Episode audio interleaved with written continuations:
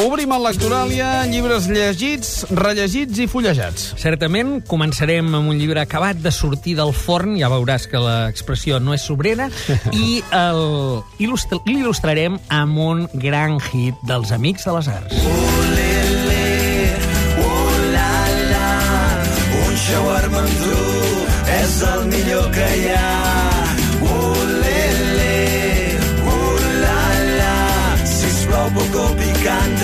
Que no puc.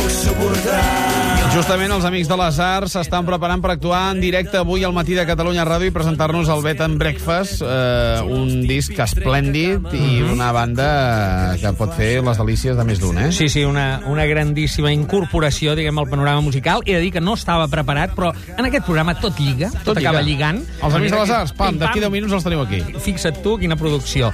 Això, aquest 4-3-3 eh, dels Amics de les Arts, que és una cançó que utilitza el futbol per fer alegoria, diguem, o analogia amb l'art de lligar. Has sempre rebut incert, molts diguem. elogis teus. Els hi has Sí, dedicat sí. articles i tot. Sí, sí, és que em va encantar, eh? Uh, realment vaig agafar aquest disc, el Bed and Breakfast, i vaig estar tres dies que només l'escoltava, no? És molt narratiu. Molt, molt bé, està molt bé, hi ha un treball lingüístic important, i musicalment, bé, sona tal com podem apreciar, molt, molt engrescador, no? Jo utilitzo aquest uh, 433 per il·lustrar un llibre acabat de sortir al forn, com deia, de l'escriptor nord-català, escriptor de Perpinyà, Joan Lluís Lluís. Uh, en Joan Lluís Lluís, autor de novel·les de, de gran anomenada i èxit com l'any de l'os, per exemple, El dia de l'os, per exemple, acaba de publicar Xocolata desfeta. Això diu a sota exercicis d'espill. Mm. D'espill, que vol dir mirall, però això parteix de la tradició dels exercicis d'estil de Raymond Queneau, que és un llibre fonamental l'any 47, en plena postguerra, en la qual en Queneau explicava la mateixa història de 99 maneres diferents. No? En Joan Lluís Lluís eh, ha agafat una història, que te la puc explicar perquè és molt, molt ràpida, és algú, com ell, que se'n va a prendre una xocolata desfeta al carrer de Petritxol, i de sobte es troba amb una noia que li diu... El "Tu te'n- Dulcinea. el Dulcinea, i diu, tu te'n vens de caçar de la selva, li diu, i ell, mentre està encara amb aquesta mena de- de- d'indecisió, li clava un ganivet la noia, Carai. i el següent pas és que es troba en un hospital, eh, que l'estan guarint, i li demanen, vostè recorda si la noia somreia quan li clavava? Bé, aquesta és la petita història, ja està explicat al relat. Doncs en Joan Lluís Lluís l'explica no 433, sinó 123, 123 eh, vegades, de 123 maneres diferents.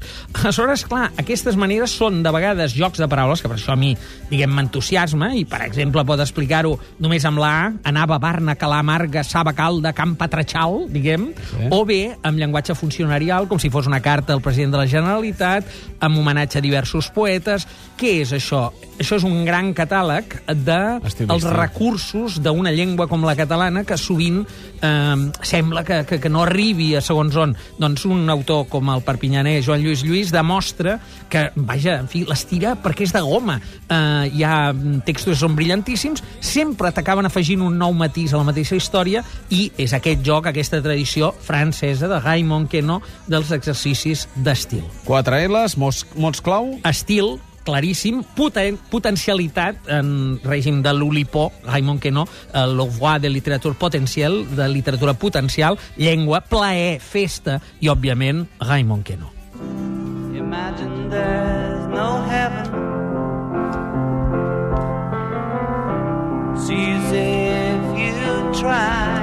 Música de John Lennon per il·lustrar un llibre de... John Lennon! és que l'hem clavat. Aquí, aquí tot, tot lliga. El tens d'aquí 10 minuts? No, oi? Aquest no. No, no, no, aquest no. A- Això sí que seria un hit, eh? Sí. Diu, eh? Tenim una psicofonia de John Lennon. Bé, aquest és un llibre eh, de John Lennon, però eh, són dos en concret, recuperats ara i traduïts en una traducció molt difícil, de l'anglès al castellà per An- Andy Ehrenhaus, eh, que són llibres que Lennon va publicar a la primeria de l'esclat dels Beatles. Són llibres que no són ben bé poemes, sinó històries, és joc verbal pur, on es veu tot l'enginy i es veu que mm, en el seu moment, diguem, aquests dos llibres, diguem-ho, en la traducció castellana, es diuen Por su propio cuento i un Españolito en obres. Això ho publica una fantàstica editorial que es diu Papel de Liar, eh? eh, i que publica textos musicals. En realitat, Més això es enllà del deien... fetichista, del fetichisme, el text està bé? El text està bé. És a dir, la gràcia és que, eh, bé, es publica, eh, mm, diguem, també en versió anglesa, eh? perquè la, la gràcia és veure com eh, hi havia molt més que enginy. És a dir, que hi havia un domini de l'instrument verbal notable, unes ganes de dir i una capacitat per transgredir codis, no? Perquè, clar, eh, In His Own Right és del 63, Beatles eh, fent Love Me Do, i A Spaniard in, in the Works, que és això d'un espanyolito en obres, és del 64. És a dir, aquest senyor era un desconegut, llavors que començava a tenir èxit. Sí. I eh, ja es veu que era, com sempre vam sospitar, els seguidors de Beatles, era ell, diguem, l'ànima més creativa, això, eh? no? Aleshores, bé, hi ha molts jocs de paraules, són associacions imprevistes. Recordaria, per traslladar-ho, salvant moltes distàncies al nostre àmbit, alguns dels llibres o dels textos del Pau Riba, que de vegades fa aquesta mena de joc verbal d'associacions surrealistes, no? Aquí en Lennon es veu que mm, tenia una ànsia de llibertat i de creativitat un, que, que, òbviament, va esclatar en tot el seu esplendor en una banda com, com els Beatles, no? Però això van ser dos llibrets que van tindre molt d'èxit en el seu moment, però que ja havien passat com sepultats rere l'obra musical, no? I és bo que una editorial petita com Papel de Liar doncs els recuperi. Tenim el rellegit amb mots clau. Poesia, pop, perquè és clarament pop, es veu en les imatges, joc i xoc, eh? tots junt, doll, perquè és molt, molt, molt eh, així, diguem, eh, loquàs, verb, enginy i, òbviament, Beatles.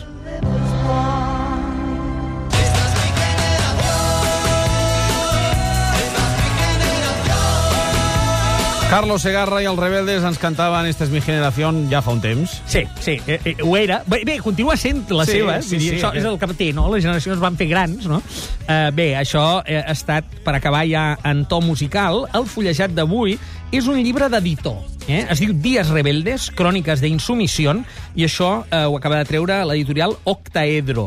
És de diversos autors, perquè és un recull d'una cinquantena de textos. Eh, alguns són traduïts, n'hi ha d'autor alemany, d'anglès, francès, també espanyol, és, el llibre és en castellà. Eh, són diversos episodis relacionats sempre amb la rebel·lió. Per exemple, hi ha textos contra l'esclavatge, quan existia l'esclavatge, esclar, n'hi ha d'històrics, no? Contra el poder, contra l'ordre establert, Revolució? No, rebel·lió. Diguem, no parlem de la institucionalització que implica una revolució, Sí. que és un canvi de truita. És reaccions com les que podem trobar cada dia. Avui has entrevistat aquesta noia, la, la, vaja, el La cas Fàtima. aquest de la Fàtima. Aquí, eh, diguem, és obvi que hi ha d'haver un moment de rebel·lió davant Que és d'una el que hem situació. viscut avui. Exactament. I cal, justament, un punt de revolució perquè algú l'ajudi i posi les coses a lloc. Exactament. Doncs aquest llibre, aquest Dies Rebeldes, el que fa és contextualitzar molts petits detalls i moltes petites circumstàncies en les que es veu un esperit, no?, de no plegar-se a la majoria, diguem, d'anar a la contra quan creus que realment hi ha una injustícia, i en aquest sentit, doncs, és un llibre que està bé, eh, jo te'l porto fullejat, jo n'he llegit alguns d'aquests articles, hi ha moltíssims autors i moltes temàtiques, perquè sempre hi ha motius per rebel·lar-se. Sí, senyor. Gràcies, Màrius. A reveure.